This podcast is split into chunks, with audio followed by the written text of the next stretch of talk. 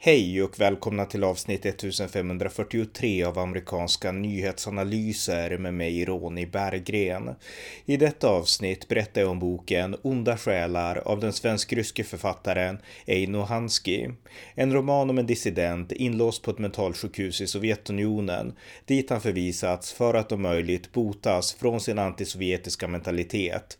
En bok som handlar om tillvaron i ett fallet imperium som Vladimir Putin nu önskar återupprätta varmt välkomna. Ja, jag tänkte alltså ägna det här avsnittet åt att ge ett litet boktips genom att berätta om en bok som jag nyss har läst, en roman som handlar om inlåsta, oliktänkande dissidenter i Sovjetunionen på slutet av 1970-talet. Och det är en roman som är skriven av en svensk författare faktiskt, som jag kommer att berätta mer om lite senare. Men jag tänkte inleda med att berätta lite om fenomenet, just det här fenomenet och det som utspelades i Sovjetunionen. Eh, det var ju så här att i Sovjetunionen så missbrukades eh, mentalvård, psykvård, det allra allra grövsta av regimen, av den sovjetiska regimen, för att eh, gömma undan, låsa in och eh, ja, få bukt med oliktänkande, med regimkritiker som tänkte på ett sätt som stred mot regimen och mot de kommunistiska doktrinerna. Och det här var någonting som, eh, ja, det hade börjat delvis lite grann redan under Stalin, men då var det mer att man avrättade eh, oliktänkande eller skickade dem till Gulagläger. Så att psykvården blev mer aktuell lite senare. Eh, och eh, det började kan man säga med att eh, Nikita Khrushchev, han som tog över som eh, partiordförande och Sovjetunionens ledare efter Stalins död 1953. Han skrev 1959, Nikita Khrushchev, i den här sovjetiska tidningen Pravda, så skrev han att Eh, de som eh, ja, de som åberopar politisk opposition mot kommunismen på grund av ja, typ känslomässig basis. Eh, om dem kan vi tydligt säga att deras mentala tillstånd inte är normalt. Så skrev Nikita Khrushchev 1959. Och det här skulle, ja, det skulle leda till en utveckling där man eh, betraktade oliktänkande som psykiskt sjuka. Och eh, på 60-talet, slutet av 60-talet, så blev, eh, så fick KGB en ny chef, Juri Andropov. Han tillträdde 1967 och eh, han var den som verkligen verkställde det här eh, och eh, såg till att mentalsjukhusen blev allt fler över hela Sovjetunionen och verkligen började betrakta dissidenter, de som tänkte olika, som mentalt sjuka. Så att han var väldigt tuff KGB-agent, Jurij Andropov. Och det var under Nikita Khrushchevs efterträdare, Leonid Brezhnev, som det här blev, verkligen blev, ja, systematiskt eh, använt, en systematiskt använd metod för att slå ner på dissidenter och oliktänkande. Och eh, som sagt, mentalsjukhus byggdes överallt. KGB de skickade eh, ja, he hela tiden återkommande dissidenter till olika avdelningar för att diagnostiseras. Många blev diagnostiserade med schizofreni, schizofreni en form av schizofreni för att de tänkte felaktigt. Det, det måste bero på schizofreni, inte på att det är något fel med doktrinen eller med staten. Eh, och eh, Jurij Andropov då, KGB-chefen, han eh, ja, han skickade många dit och det, var, det handlade om de som var politiskt kritiska. Det handlade om de som var ja, religiösa. De skickades till mentalsjukhus, eh, kristna till exempel. Det handlade om de som pratade högt om att de kanske ville lämna Sovjetunionen, fly till väst och sådär. De skickades till mentalsjukhus. Och Andropov, han var en, han var en central del av, av den här processen och hanteringen. Och han var också en person som ledde Röda arméns eh, blodiga invasion av Ungern 1956 och eh, även den som beordrade nedskjutningen av det här eh, sydkoreanska flygplanet eh, 1983 som, som då flög över sovjetiskt territorium. Så att det var Jurij Andropov som i mångt och mycket verkställde det här. Eh, men en person, en av de mer kända personerna som eh, blev drabbad kan man säga av den sovjetiska mentalvården. Eh, det skedde innan Jurij Andropov och det var en, det var Estlands eh, första president, Konstantin Petst hette han. Och eh, Estland, det, var, det är ett land som har arbetat, alltså där folket har arbetat länge för självständighet och frihet. Och Konstantin Petst, han var en eh, han var en hjälte i Estlands historia och eh, en person som engagerat sig i politik, politiken i Estland i, ja, i 40 år för att få se Estland bli fri. Eh, och eh, jag kan inte den estländska historien sådär i detalj, men en stor hjälte i Estland. Eh, men när andra världskriget kom, då var det så att Tyska, tyskarna och ryssarna menar jag, ockuperade Estland och det gjordes 1940 och eh, ja, eh, han, han blev då ersatt, eh, Konstantin Pets, av en mer, eh, ja, vad ska man säga, en tillförordnad sovjetisk eh, ställföreträdare ungefär. Och eh, 1943 då skickades då Estlands president Konstantin Pets till ett mentalsjukhus för att eh, genomgå behandling helt enkelt för att för att han hade motsatt sig Sovjetunionen. Och eh, han var först på ett mentalsjukhus i Estland. Men när folk började känna igen honom så skickades han till ett annat mentalsjukhus inne i Sovjetunionen.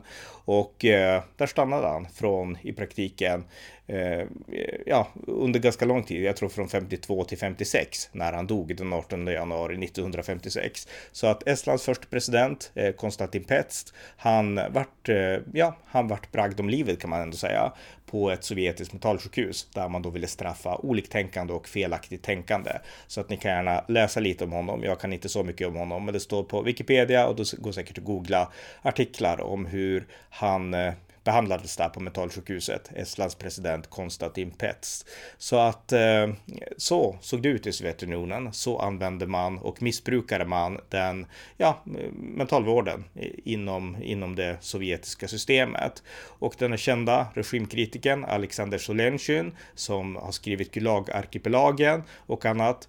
Han skrev också om mentalsjukhusen och hur man missbrukade psykvården i Sovjetunionen. Och han skrev att det här var, det här var värre än gaskamrarna som tyskarna använde mot judarna och mot, mot andra oliktänkande.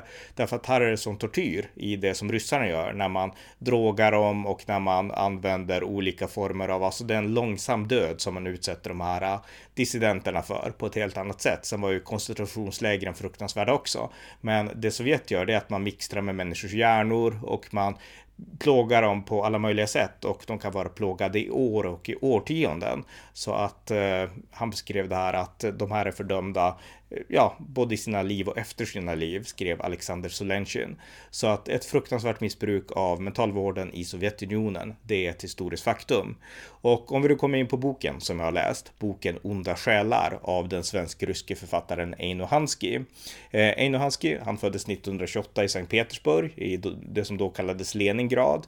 Och eh, han eh, eh, han, ja, han genomlevde belägringen av Leningrad, när tyskarna belägrade Leningrad. Och han fick då fly tillsammans med sin mor och sin syster och de flydde via Ukraina, Polen och Finland och till slut så kom han till Sverige 1945 i en båt. Och han levde i Sverige. Han bodde i Göteborg och där blev han en känd konstnär. Han har gjort en del statyer och liknande. I Majorna i Göteborg bodde han och eh, han skrev böcker då såklart. Och eh, han skrev en lång romansvit som jag inte har läst. Jag har bara läst den här boken Onda själar, nyss upptäckt honom. Men han har skrivit en lång romansvit också som handlar om den ryska revolutionen. Och eh, man får då följa en kvinna från tiden innan revolutionen, när hon är en liten flicka, tills efter revolutionen, tills, ja, tills Lenin och Stalins utrensningar och framåt och sådär. Så att eh, det är en bokserie som verkar jätteintressant som jag ska mm, kolla upp lite närmare eh, ja, när jag får tid. Men det verkar jättespännande. Men det är i alla fall Eino Hanski och det är han som har skrivit då den här boken Onda själar och den är utgiven 1981. Och som sagt, den här boken den utspelas på ett mentalsjukhus i Sovjetunionen och den utspelas skulle jag tro 1979, kanske 1980, men någonstans där omkring. Och eh, eh, huvudpersonen i den här boken, det är en person som kallas Kommoden och han sitter inspärrad på mentalsjukhuset för att han har haft den dåliga eh, ja, det, det, dåliga omdömet att eh, när han då var fri skriva och försöka uttrycka de plågor, de själsplågor han har känt efter andra världskriget. Därför att i andra världskriget så var han som så många andra ryssar en del av försvaret av Ryssland och eh, de hämnades blodigt på tyskarna. De gick in och eh, de våldtog tyska kvinnor. De mördade brutalt tyskar, soldater, unga pojkar och alla möjliga som hämnd för att Nazityskland hade invaderat Sovjetunionen. Och det här är någonting som han får, ja, han mår inte bra av det här. Och eh, det som verkligen väcker honom att han vill liksom berätta vad han verkligen har gjort och inte bara hålla det inom sig, alltså förklara att jag var ond, jag gjorde onda saker. det var när han såg en film i i, eh, i Sankt Petersburg, eh, eller Leningrad, som, som han hette Nürnbergprocessen och som då handlade om Nürnbergrättegångarna mot de här eh, nazityska ministrarna, ledarna, generalerna. och eh, många av dem blev ju hängda av de allierade då, som straff för sina brott. Men när den här personen då, kommoden som han kallas, såg den här filmen på biografen där efter andra världskriget så insåg han att det här är ju fruktansvärt. Där står de där tyskarna och säger att de var oskyldiga och de skyller på Hitler. De ljuger, de, de vet att de ljuger, men Eh, ja, de, de ljuger bara för, för att komma undan. Och han själv, han känner att hans samvete kan inte tillåta honom att ljuga. Han vet att de var onda, det vet de själva, men de ljuger. Men jag var också ond, men jag vägrar att ljuga. Så att där börjar liksom hans frö och eh, han ger uttryck för det och det kommer ut och när det kommer ut att han berättar sådana här dumheter som han får det att framstå som att ryssarna var onda. Då blir han tagen av KGB och eh, kör till ett mentalsjukhus. och där har han då vistats i väldigt många år när vi kommer in i berättelsen. Han är en 60 år gammal man och det här är alltså berättelser som utspelas på slutet av ja, 70-talet skulle jag gissa och 79 kanske. Och eh, han får här på mentalsjukhuset efter många års behandlingar eh, där han utsätts för många otäcka saker som att de sprutar in svavel i blodet som får hela kroppen att skaka och smärtorna verkligen kanaliseras ut i alla kroppslemmar och sådär. Och sen har de något som kallas eh, inpaketeringen där de lindar in människor i lakan och eh, lägger dem i ett badkar och sen så häller kallt vatten på dem så att lakanet bevarar kylan så att de fryser. Och eh, när vattnet börjar torka så häller de nytt kallt vatten tills de börjar skaka och till slut så fryser de nästan ihjäl och när de nästan är på väg att frysa ihjäl då slutar de att hälla vatten på dem. Eh, men det var, vad som då händer är att de är så svaga så att de orkar knappt röra sig i badkaret så att eh, lakanet stelnar när de ligger där invirade i badkaret och när lakanet stelnar så dras det ihop och musklerna dras ihop och man blir ihoptryckt totalt. Och man skriker och skriker och skriker och kan bara göra det för smärtan är så stor. Och man skriker tills man svimmar och då tar man upp dem. Och eh, ja, hoppas då att de har lugnat sig eller att de har tagit avstånd från sina villfarelser eller sådär. Så att det var en av de här behandlingarna som han och andra fick uppleva på, på det här mentalsjukhuset. Och det här är ju en roman då såklart, men, men berättelserna om metoderna och liksom hur det fungerar, det är ju hämtat från verkligheten då. Eh, så att, eh, ja, det, det, det, är liksom lite av behandlingen och kommoden är då huvudpersonen. Men efter några år så får han i uppdrag av den kvinnliga föreståndaren Katarina Pavlovna, eh, heter hon, Eh, på Ramitalsjukhuset att eh, att skriva och göra olika reflektioner, berätta vad han tänker, vad han känner och så vidare. Så att han får ett block, ett anteckningsblock av henne och en penna. Och det här vill hon ha för att kunna bedöma hans tillstånd. För det var så här att eh, i motsats till till exempel Stalintiden, när man bara sköt oliktänkande, så ville man nu under den här tiden ändå bota dem. Man ville få dem att inse sina fel, erkänna sina fel och bli goda Sovjetmedborgare igen. Goda, lojala Sovjetmedborgare. Så att eh, föreståndaren vill att kommoden, huvudpersonen, ska skriva vad han känner och tänker så att hon kan bedöma hans tillstånd utifrån det och kanske göra honom fri. Eh, han själv vet att det här är bara nonsens. Han kommer att sitta där hela sitt liv och eh, genom att ge honom en penna och ett papper så tänder hon ett hopp inom honom och det är, del av, det är en del av hennes experiment bara. Han vet det, men han är ändå väldigt tacksam och eh, han skriver saker. Dels skriver han saker för syns skull, en ögontjänare i förhållande till den här föreståndaren. Men han skriver också i hemlighet vad han verkligen känner och tycker och tänker och gömmer de papperna i en, ja, bakom någon form av tegelbricka i det här fängelset bakom en vägg. Och eh, det skriver han utförligt om hur det funkar i fängelset, men också om sina erfarenheter och minnen från kriget. Och det är det den här boken handlar om då, Onda själar, hans reflektioner, kommodens reflektioner. Eh, och han berättar bland annat om eh, hur det fungerar på fängelset. Han berättar om föreståndaren då, Katarina Pavlovna, som styr avdelningen med järnhand. Han berättar om två sköterskor, en som kallas Lillsprutan och en som kallas Storsprutan.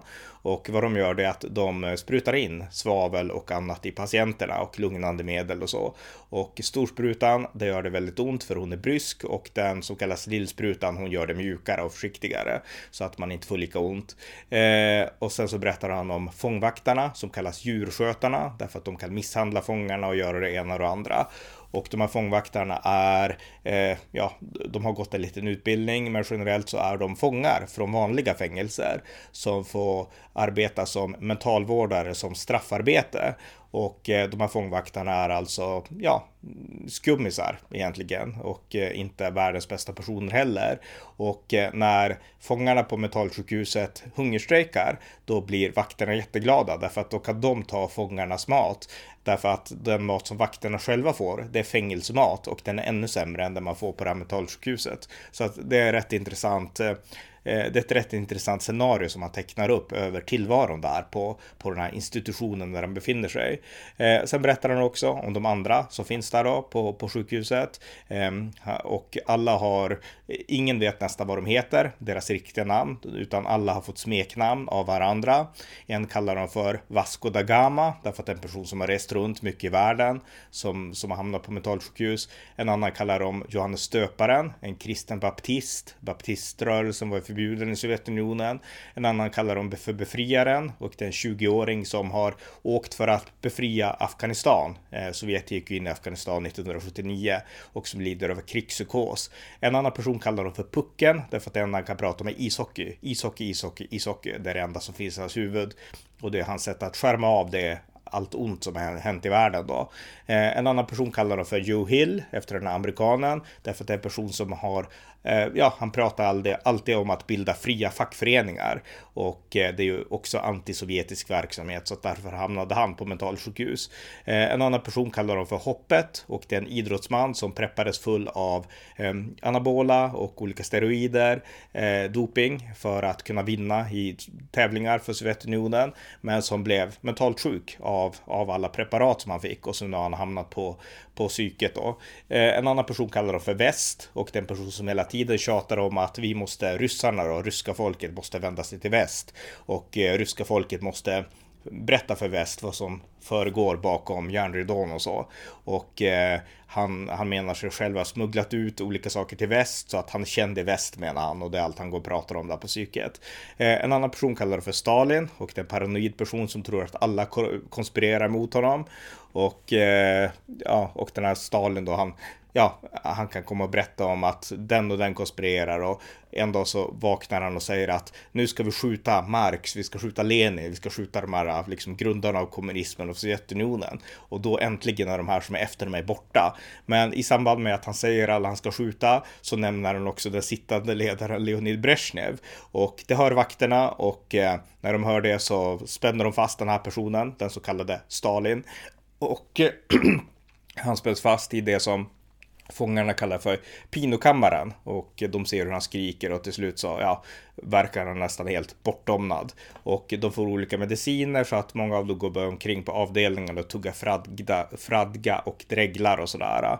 Så att eh, det är lite av eh, ja, de medpatienter som finns. Men kommoden i alla fall, han skriver väldigt mycket i sina böcker om sina krigsminnen och eh, han skriver så här till exempel om sin inställning att skriva. Jag lovar er att inte skönmåla mig själv eller mina gärningar. Just det, det är det viktigaste med allt det här. Jag måste skriva om mig själv som den människa jag är. Mina tankar ska vara en ond människas, för en god människa är jag inte. Det är nog just därför som jag inte lider så mycket av att vistas här på mentalsjukhuset. På något sätt känns det som att jag betalade av på min skuld för allt jag gjort andra. Eh, och sen så skriver han då genomgående i boken om sina olika upplevelser. Så här ett annat stycke. Jag vet inte varför jag kommer att tänka på gumman vid den polsk-ryska gränsen. Henne som vi under krig, kriget kom på med att gömma tre tyska soldater i sin potatiskällare. Hon försökte väl rädda tyskarnas liv, men vi sköt henne tillsammans med tyskarna som, som vandrande förrädare, folkfiende och allt man kunde hitta på. Hon gav sitt liv för medmänsklighet. Men jag har inte sett någon intelligent, någon som tillhör det intelligenta, ge sitt liv för andra. Gumman visste vad som väntade henne, men ändå handlade hon så som hennes hjärta bjöd. Sanningen om oss människor är aldrig vacker. Jag tror att de flesta har haft, har haft många, många onda tankar som de aldrig har förverkligat. Men det har däremot jag gjort. Ni får inte glömma att vår hämnd var helig. Jag säger det inte för att gömma mig bakom det, utan snarare för att försöka förklara hur dagen en människa är i den totala friheten, när hon ostraffat kan göra vilka hemska gärningar som helst. Det var så jag handlade och jag njöt av det. Våldtäkterna som jag nämnde tidigare, det är bara en del av min skuldbörda. De flesta gräsligheterna begick jag under motoffensiven och mot krigsfångar. Jag var aldrig rädd under, under anfallen, inte ens under en bajonettattack darrade jag på handen. Jag var snarare upprymd och ibland fick jag rent av erektion när jag stod framför en tysk yngling som var paralyserad av skräck och när jag visste att jag i nästa sekund skulle sticka bajonetten i hans mage och sprätta ut ögonen på honom med den. När människor talar om ondska, då talar de alltid om andra, inte om sig själva. Jag vet att jag har sått hatets frö i mångas hjärtan. Det gror och kommer kanske att gro under årtionden. Det är så ondskan fungerar och fortplantar sig. Och eh, ja, han skriver mycket om, om de här sakerna. Sen skriver han också om eh, en reflektion han gjorde under kriget då. Ett krig då där ryssarna gick till motoffensiv och där man till slut besegrade Nazityskland österifrån. Och så skriver han då vid, vid det enda tillfället när han blev verkligen rädd, för han var så uppfylld av hat att han blev inte rädd. Men vid ett tillfälle blev han rädd och han skriver då så här. Konstigt. Jag kom precis nu ihåg en av de märkligare upplevelserna under kriget. Det var när vi höll på att inta Berlin. Det var den enda gången under hela kriget som jag kände något som kunde liknas vid skräck eller rädsla. Det var på femte eller sjätte våningen i ett. Vi höll på att dra undan alla tyskar som förskansade sig där och de civila fick samma öde. Jag kom in i ett rum ett par sekunder efter att jag skjutit en SS-man i korridoren i lägenheten. När jag steg in i rummet, redo att skjuta fler tyskar, stelnade jag till. Framför mig stod en skräckenjagande gestalt. Jag stod där, alldeles stel i kroppen, tills jag upptäckte att det var min egen spegelbild jag såg. Jag glömmer aldrig mina hemska mordlystna ögon som stirrade på mig. Det var en stor spegel som någon hade vänt så att det första man såg när man öppnade dörren var spegeln. Men i rummet fanns inte en levande själ. Jag blev stående där minst en kvart innan jag kunde fortsätta mitt hantverk. Och eh, ja, det här är ju en ganska beskrivande en skildring av vad han gjorde och hur han kände inför sina upplevelser och där under kriget. Och här på mentalsjukhuset så berättar han det för avdelningschefen Katarina Pavlova och eh, han skriver då så här om det och om hur hon reagerade. Jag vet inte varför, men jag sa till henne så lågt. Vet ni Katarina Pavola? Eh, vet ni att jag har mördat hundratals människor? Vet ni det? Hon ryckte bara på axlarna och sa att det inte var människor. Det var fascister, min kära kommod, som ni dödade och det är skillnad och därför ska ni inte känna er skyldig. Eh, min bästa kommod, ni tycks ha fått Nürnbergprocessen på hjärnan. Ni ältar den ständigt. Vi har talat om det tidigare, jag vet inte hur många gånger, och ni återkommer alltid till samma sak. Fascisterna var skyldiga, men de var för fega för att erkänna sin, sin skuld. Eh, Däremot inte sagt att ni ska spela modig och erkänna några skulder eh, som inte är några skulder. Och eh, det här är en rätt intressant och sovjetisk inställning att eh, eh, ja, ryssar kan inte handla fel, utan om ni har dödat, om ni har våldtagit, om ni har mördat och lemlästat, så kom ihåg att de var fascister, alltså den del av avhumaniseringsprocessen. Och om man då har samveten som säger att nej, men det är fel att döda, det är fel att tortera, det är fel att våldta och göra det vi ändå gjorde mot tyskar och polacker och andra, då ja, då är man felaktigt ute i sitt tänkande och då ska man behandlas eh, med mentalvård. Så att det är rätt intressant. Han sitter inte där, den här kommoden, för att han har, han sitter inte där som straff för att han har våldtagit, utan för att han erkänner att han har gjort det och för att han tror att det var fel. Så att det är ju rätt, eh, ja, det är ju rätt talande beskrivning då av Sovjet, Sovjetunionen och det där eh, genomgående i den här eh, personen, huvudpersonen kommodens berättelser. Eh, sen berättar hon också lite mer detaljerat om de andra som satt på fängelset och hur de hanterade olika saker. Eh, Johannes döparen skriver han om. Det var ju en kristen person då. Som sagt, de kristna, Eh, olika kristna rörelser som baptisterna, de var ju förbjudna i Sovjetunionen. Eh, och han skriver så här då.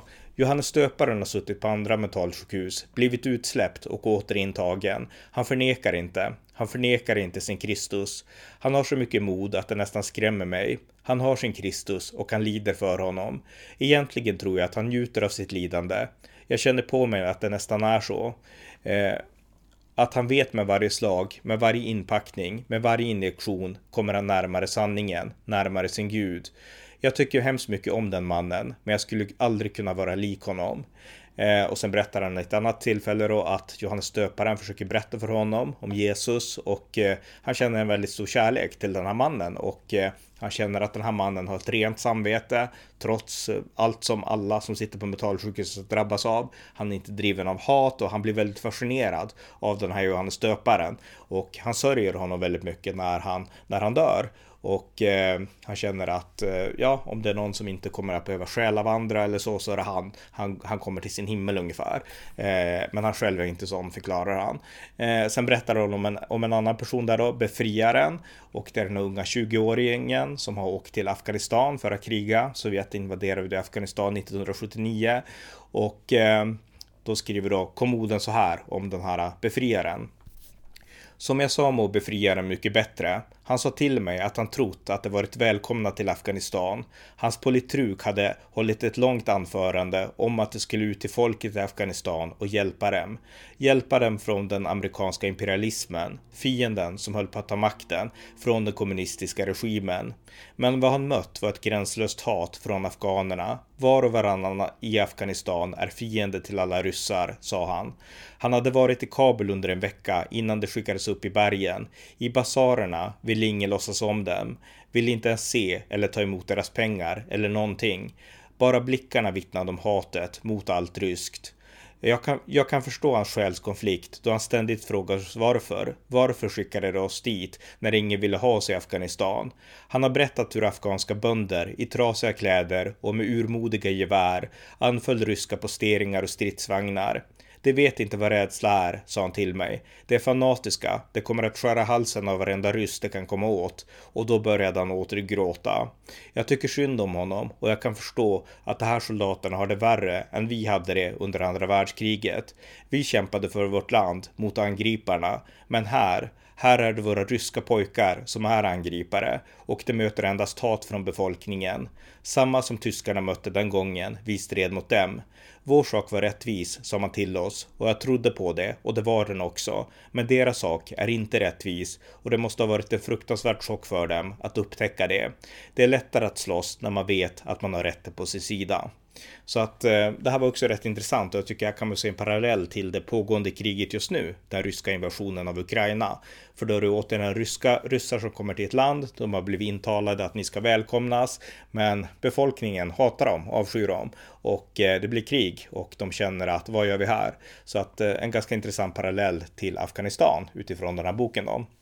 Eh, men hur som helst, jag kan inte läsa. Det finns jättemånga sådana här tänkvärda Eh, berättelser och stycken såklart som handlar om allt möjligt. Det kommer en ny fånge till mentalsjukhuset som heter Ikaros. Han är från Grekland och han blev där itutad av eh, sovjetiska soldater under andra världskriget att eh, han måste komma till Sovjetunionen, det förlovade paradiset. Han kommer dit och ja, där blir han behandlad som en spion bara och inkastad i en fängelsecell. Så att så hamnade han bakom lås och bom. Men han berättar i alla fall om att i Grekland så bekämpade man hårt tyskarna, nazisterna, därför att man hade det i sin ådra att bekämpa turkarna och att få vara fria. Sen kunde man kalla sig det ena och det andra, men så fort liksom turkarna var utrivna, då var man inte muslimer längre, utan då var man kristna. Så att eh, han berättar liksom om kampandan som fanns bland, bland grekerna och det finns många sådana personer som kommer och går i den här boken. Men det är en väldigt läsvärd bok i alla fall och eh, jag rekommenderar den, Onda själar av Eino Hanski, 1981, utgiven av bra böcker. Och nu finns det väl bara att köpa skulle jag tro som ja, antikvariatbok och sådär. Men en väldigt läsbar bok och jag tycker att den hamnar i lite samma genre som Ayn Rands bok Hymner. Hon skrev ju också om dissidenter kan man säga eh, i Sovjetunionen i, i, liksom i en slags eh, novellromanform, kortroman.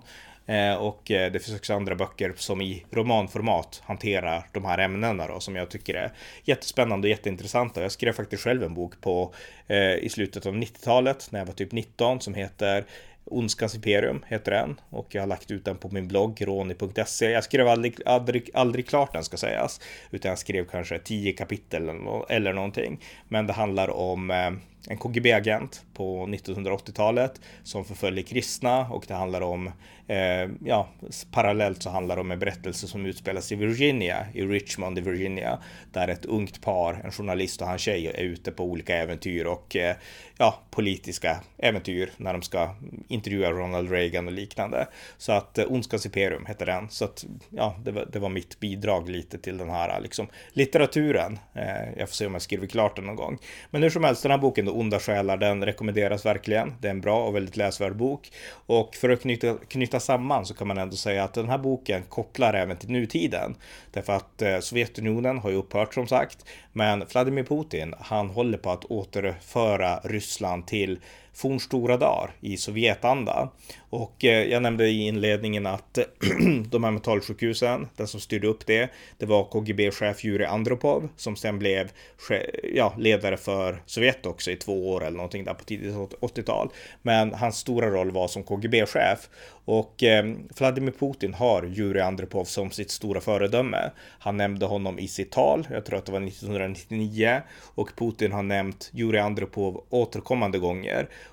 Och det sägs att när Putin själv gick, dröm, var barn så drömde han om att gå med i KGB. Och när han var 15 så började han ha ett, eh, ett fotografi eh, av Jurij Andropov. Eh, eller när han blev, eh, han drömde när han var 15 om att gå med i KGB då, tack vare Jurij Andropov. Och när han började göra karriär så hade han ett fotografi av Jurij Andropov på sitt kontor då. Så att det var en person som han verkligen såg upp till. Och han har liksom lovordat Jurij Andropov som en ärlig och riktig person. Och en person som vill göra Ryssland storslaget igen. Eh, precis som han själv vill då. Så att, eh, och han har också låtit eh, restaurera en eh, jag tror att det var en byst eller någonting av Jurij Andropov eh, på FSB, den nuvarande säkerhetstjänstens ja, kontor där, eller om det var på Lubjanka och, och sådär. Så att Putin ser verkligen upp till Jurij Andropov och han ser alltså upp till en person som läste, låste in tusentals, tiotusentals dissidenter på ryska mentalsjukhus.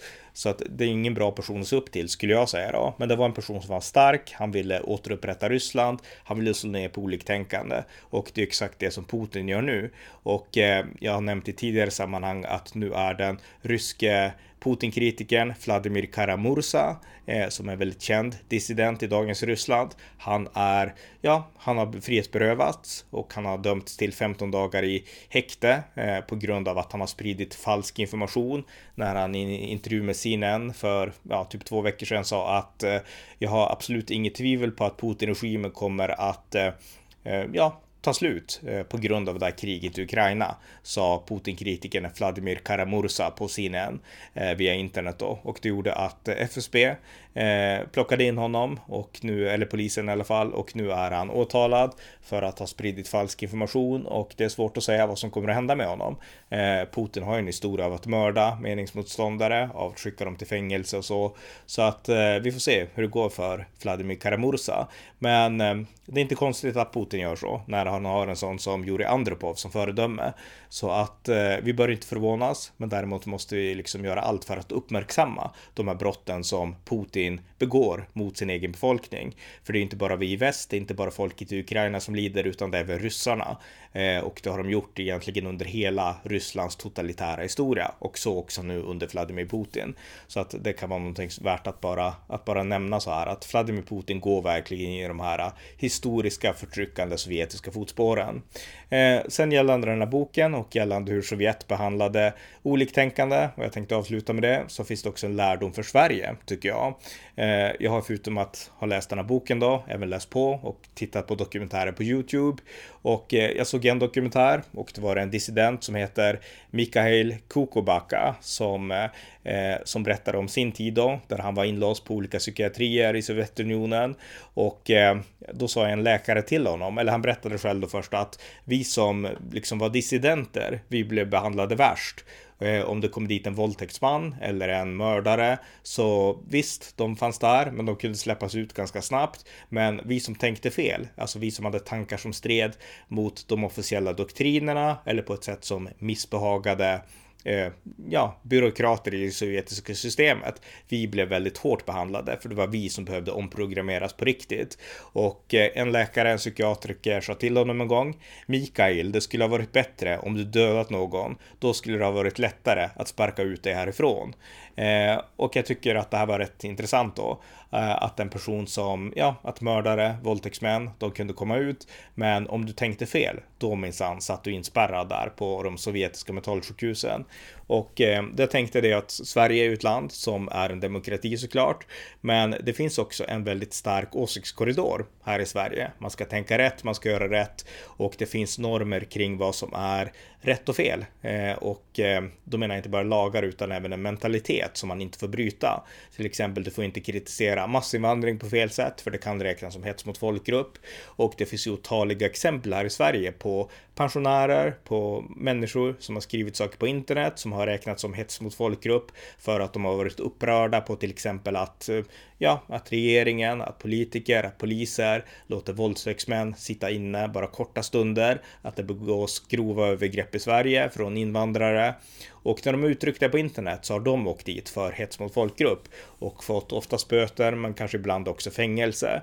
Och eh, det leder till ett klimat, alltså ett, ett, nästa samma slags klimat att de här som begår de riktigt grova brotten, de kommer lätt undan, men de som tänker fel, de straffas. Och det är just den parallellen jag tycker är intressant. Och med det sagt så säger jag ju inte att Sverige är som Sovjetunionen, men vi bör verkligen ta lärdom från de här systemen och inse att vi måste vara försiktiga och inte leka med samma former av, eh, av, av tankesätt och principer. Utan en sann demokrati, där måste man kunna få tänka och tycka fritt och även tänka och tycka på ett sätt som går helt emot eh, de rådande samhällsnormerna och diskurserna utan att bli inkastad i fängelse för att omprogrammeras eller lära sig tänka rätt. Eh, linjen för straff, det ska gå vid bruket av våld, det ska inte gå vid hur man tänker, därför att eh, det är så man gör i Sovjetsamhällen. Fria samhällen, de drar linjen vid våld, men inte vid liksom yttranden eller vid liksom sätt att tänka. Och eh, jag tror att det är viktigt att dra lätt, rätt lärdom här och att Sverige har mycket att lära. Så att det var min sista tanke i den här podden då som, som ändå gör att även vi kan lära av hur det var i Sovjetunionen. Men återigen, den här boken har ni tråkigt, läs den Onda själar av Eino Hansky. Den är ganska kort, 160 sidor ungefär, så att den går snabbt att läsa. Och eh, den är mer aktuell nu kanske än den var på väldigt länge på grund av det som sker i Ukraina och på grund av Putins allt starkare grepp om sitt eget land. Så att det var dagens avsnitt. Tack för att ni har lyssnat på det senaste avsnittet av amerikanska nyhetsanalyser. Som sades i podden så spärrar också Putin in sina meningsmotståndare och just nu förs kampen mot Putin i Ukraina. Jag vill därför uppmana er som lyssnar att stödja Ukraina genom att skänka en slant till valfri organisation som bistår Ukraina i dessa tider. Tack för att ni hörsammar och fortsätt lyssna på amerikanska nyhetsanalyser.